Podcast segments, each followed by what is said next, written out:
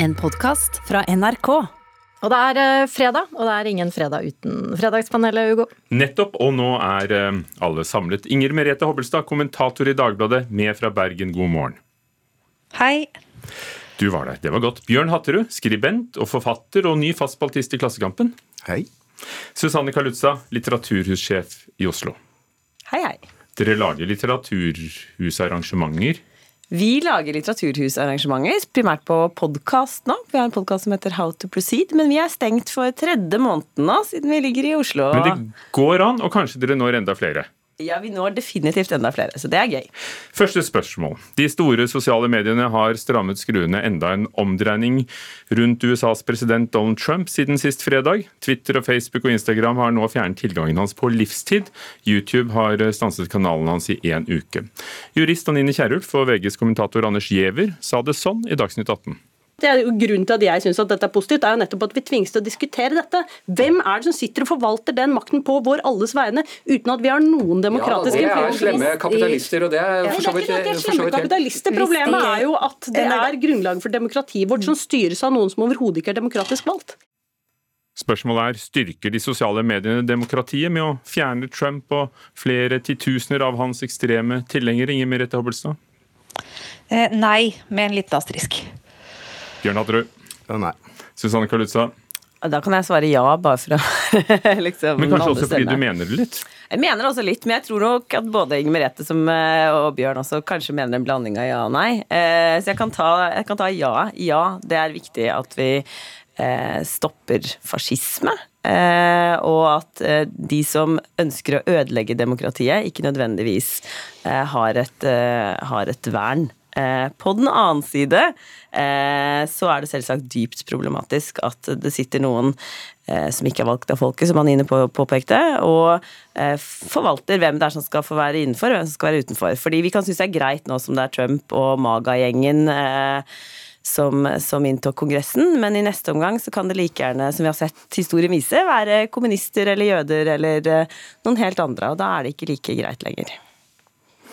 Jeg tenker jo at uh, Altså, jeg er glad for at de er fjerna. det er todelt her. Uh, det ene er eh, hvis vi ser eh, til eh, Kina sin policy på sosiale medier f.eks., der eh, alle former for dissenter stort sett blir luka ut, så er jo det å luke ut dissenter er jo utrivelig hvis det blir gjort eh, ut fra politisk eh, motivasjon eller ut fra statlige regler. Men samtidig så tenker jeg at sosiale medier må ta det at de har en form for redaktøransvar på alvor.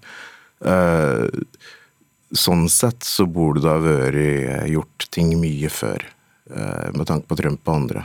Altså, men at det styrker demokratiet at de har fjerna han, det nekter jeg å tro. Altså, jeg tror ikke, jeg antallet, eller prosentvis, eh, folk som deltar i valg øker, f.eks. Jeg, jeg tror ikke at det på verdensbasis vil øke antall demokratier der, f.eks. Inger Merete Hobbelstad? Ja, altså I likhet med mange, tror jeg, og, og sikkert panelet her også, så er jeg jo dypt ambivalent i dette spørsmålet. Altså Jeg er jo personlig fryktelig glad eh, for at eh, Trumps stemme er borte fra Twitter, og at det vil være vanskeligere å organisere og oppildne til et nytt angrep eh, à la det vi så på Kongressen i USA. Eh, men samtidig er det jo ganske mye ved dette her som jeg tenker gir grunn til å stoppe og tenke seg litt om. altså. Eh, det ene er at ved at de har stengt eh, Trumps konto, så har man jo også mistet tilgangen til hva han har tvitret før. altså Det kommer ikke noe opp hvis du går inn på hans Twitter-side. Og Dette er jo også viktig historisk dokumentasjon for å se hva det faktisk er han har gjort og sagt opp gjennom årene. Eh, Og det at vi skal være eh, prisgitt av rapporter om det, altså nyhetsartikler som sa jo da fordi en gang i 2017 sa han det, eller i forrige uke sa han det, eh, det syns jeg jo er, er tvilsomt på mange måter. Så er det jo det med at dette er vanskelig å se hvordan Twitter kan håndheve dette konsekvent. Altså De har diktatorer og folk som vi vet har gjort fæle ting som har Twitter-kontoer. Eh, Hvordan har de tenkt å liksom gå ut jevnt, slik at dette ikke bare rammer én liksom politisk bevegelse, men klarer de å få til at dette gjelder jevnt over? At det faktisk er et prinsipp de håndhever? Det har jeg mine tvil om. Eh, Og for det tredje så viser jo dette hvilken enorm makt eh, de sjefene for de sosiale plattformene har når de bestemmer seg for å nærmest utslette noen fra den offentlige samtalen som skjer der. Eh, altså Da kan de rett og slett få deg til å forsvinne, og du kan si akkurat i tilfelle Trump er ikke det noe problem, fordi han er jo den personen han kommer til å lytte lytte til uansett og når som helst han sier ting, på en pressekonferanse eller hvor som helst. Men det er jo et ytringsfrihetsproblem som sådan. Det er jo et problem for egentlig alle andres ytringsfrihet, når vi ser hvor lett det er bare å skubbe folk ut. De, de eh, sa jo det på amerikansk radio, at for en gangs skyld måtte han jo faktisk eh, svare på spørsmål fra reportere og, og treffe eh, pressen. Susanne Kaluza, hvis det er problemet at ikke Twitters ledelse er demokratisk valgt, det er jo heller ikke Dagbladets redaktører eller eh, VGs redaktør? Altså, hvor skal den offentlige samtalen foregå? Er vi prisgitt eh, store private selskaper etter hvert? Eh, ja, for å svare på det siste først. Ja, vi er jo prisgitt store, store kommersielle selskaper fordi det er der den offentlige samtale skjer. Og hvis du sammenligner med f.eks. Dagbladet, hvor Inger Merete jobber, så har jo de noen prinsipper. sant? De har jo vedtekter for hva som skal eh, inn i avisen. De følger Vær varsom-plakaten. Det er jo en sånn type tydelige retningslinjer, som Inger Merete også påpeker, eh, som da Twitter og Facebook ikke har. Eh, hva, hva skal, hvilken oppfordring til vold skal være ulovlig, og hvilken skal være lovlig? Hvilken, hvilken drøye politikere er det som skal være innenfor, og hvilke skal være utenfor? Det er for øvrig et problemstilling vi står overfor på Litteraturhuset også. Vi har 1500 arrangementer i året. Eh, vi har en veldig veldig åpen linje for hvem som får lov til å leie, og da er det noen som blir eh, sinte. Skal man si ja til vaksinenektere f.eks., eller skal man ikke? Ja, Hva skal man da? Hva gjør du? Vi, vi lar de få komme, da. Og så tenker vi at, at, at, vi er en arena for offentlig debatt, og at det er viktig å la alle stemmer slippe til, men at det kan vektes opp med at andre aktører med, som mener noe annet, også kommer og har arrangement. Det låter som om dere er på linje med tyske Angela Merkel, som også var kritisk til at Twitter stengte Trump ute? Uh, ja det her er så vanskelig, for jeg er jo veldig glad for at han er stengt ute. Fordi at nå, Resultatet det er jo bl.a. at han har måttet ta avstand fra vold og, og, den slags etterpå. Så strategisk sett så var det kanskje lurt, men samtidig så kan det bli Det kan sette en standard som er ubehagelig også. Det er vanskelig. Dere, gode nyheter for alle som leser, og, og dere som skriver bøker. Ja, nå har jeg jo tid. Nå må jeg være inne. Jeg leser mye mer enn mindre fagbøker, selvfølgelig. Og mer sånn kosebøker. Og det ser ut som om det er virkeligheten som overgår fantasien i salg. Salg av sakprosa økte med 16% i fjor.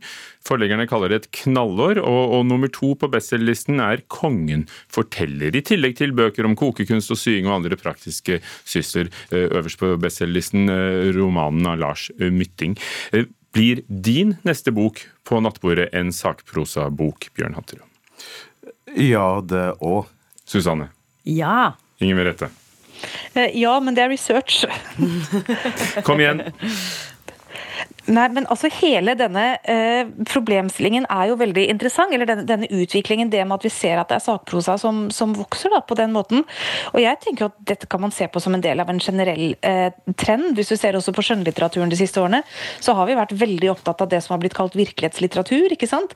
Altså Fortellinger som har forbindelse til forfatterens eget liv, eller som vi kanskje tror har forbindelse til forfatterens eget liv. Eh, de gis intervjuer der forfattere kan fortelle hva som liksom, dette kommer fra, som de har sett eller opplevd.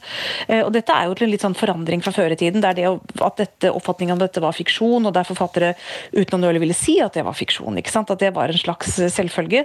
Så jeg tenker at både sakprosaiveren og nysgjerrigheten på, eh, på forbindelsen mellom oppdiktede fortellinger og at de kanskje ikke er så oppdiktet likevel, eh, det vitner jo på en måte om at vi kanskje ser etter noe som vi føler er autentisk, da, som har skjedd virkelige mennesker.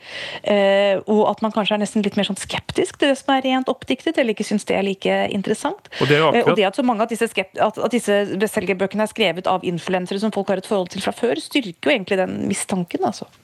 Jeg vet ikke om du vil kalle deg influenser, Bjørn Hatterud, men, men, det er jo det du har skrevet om. Du har skrevet uh, noe med forbindelse til deg selv du, da du ga ut Mjøsa rundt med mor. Ja, og, og det var jo en diskusjon uh, litt tidlig hvorvidt jeg bare skulle brande det som roman. fordi at jeg kunne liksom vært gitt ut som en roman.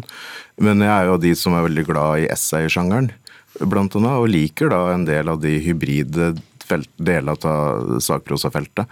Sånn at, det har gitt ut en sakprosabok, ja. Men symptomatisk nok så ble jo den da stempla som eh, generell litteratur istedenfor den sakprosaen som er biografier og analyser. Så den havna da i konkurranse på salgslistene med vaffelbøker og strikkebøker og sånne ting. Eh, at- Det var jo fascinerende. Jeg kom så vidt opp nederst på lista, rett imellom sånn store påskequiz-boka eller noe sånt, eller var det sommerquiz, og jeg tror det var brodering. Altså, jeg er primært veldig glad for at flere ser ut til å lese. Eh, Og hvis det å lese en bok om eh, hobbyen sin, eh, som man allerede er interessert i, er det som får folk i gang, syns jeg det er helt strålende. På nattbordet mitt ligger det alltid ti bøker i vente på at jeg skal lese de, deriblant sakprosa. Akkurat nå holder jeg på med Alf Kjetil Valgermo sin nydelige 'Bibelens kvinner', som er en utrolig fin bok om altså, den kulturhistorien som samfunnet vårt hviler på. Trekker fram kvinnelige krigere og orakler og eh, prester, og det er ikke måte på. Veldig, veldig gøy. Jeg har alt lest den glimrende boka til Bjørn Hatterud. anbefaler den på det varmeste. Og så har jeg Kari Spjeldnes sin bok om å lese. Men eh, Bjørn Hatterud, sakprosa har ikke helt den statusen romaner har, i hvert fall ikke hvis du ser på bibliotekene og sånn?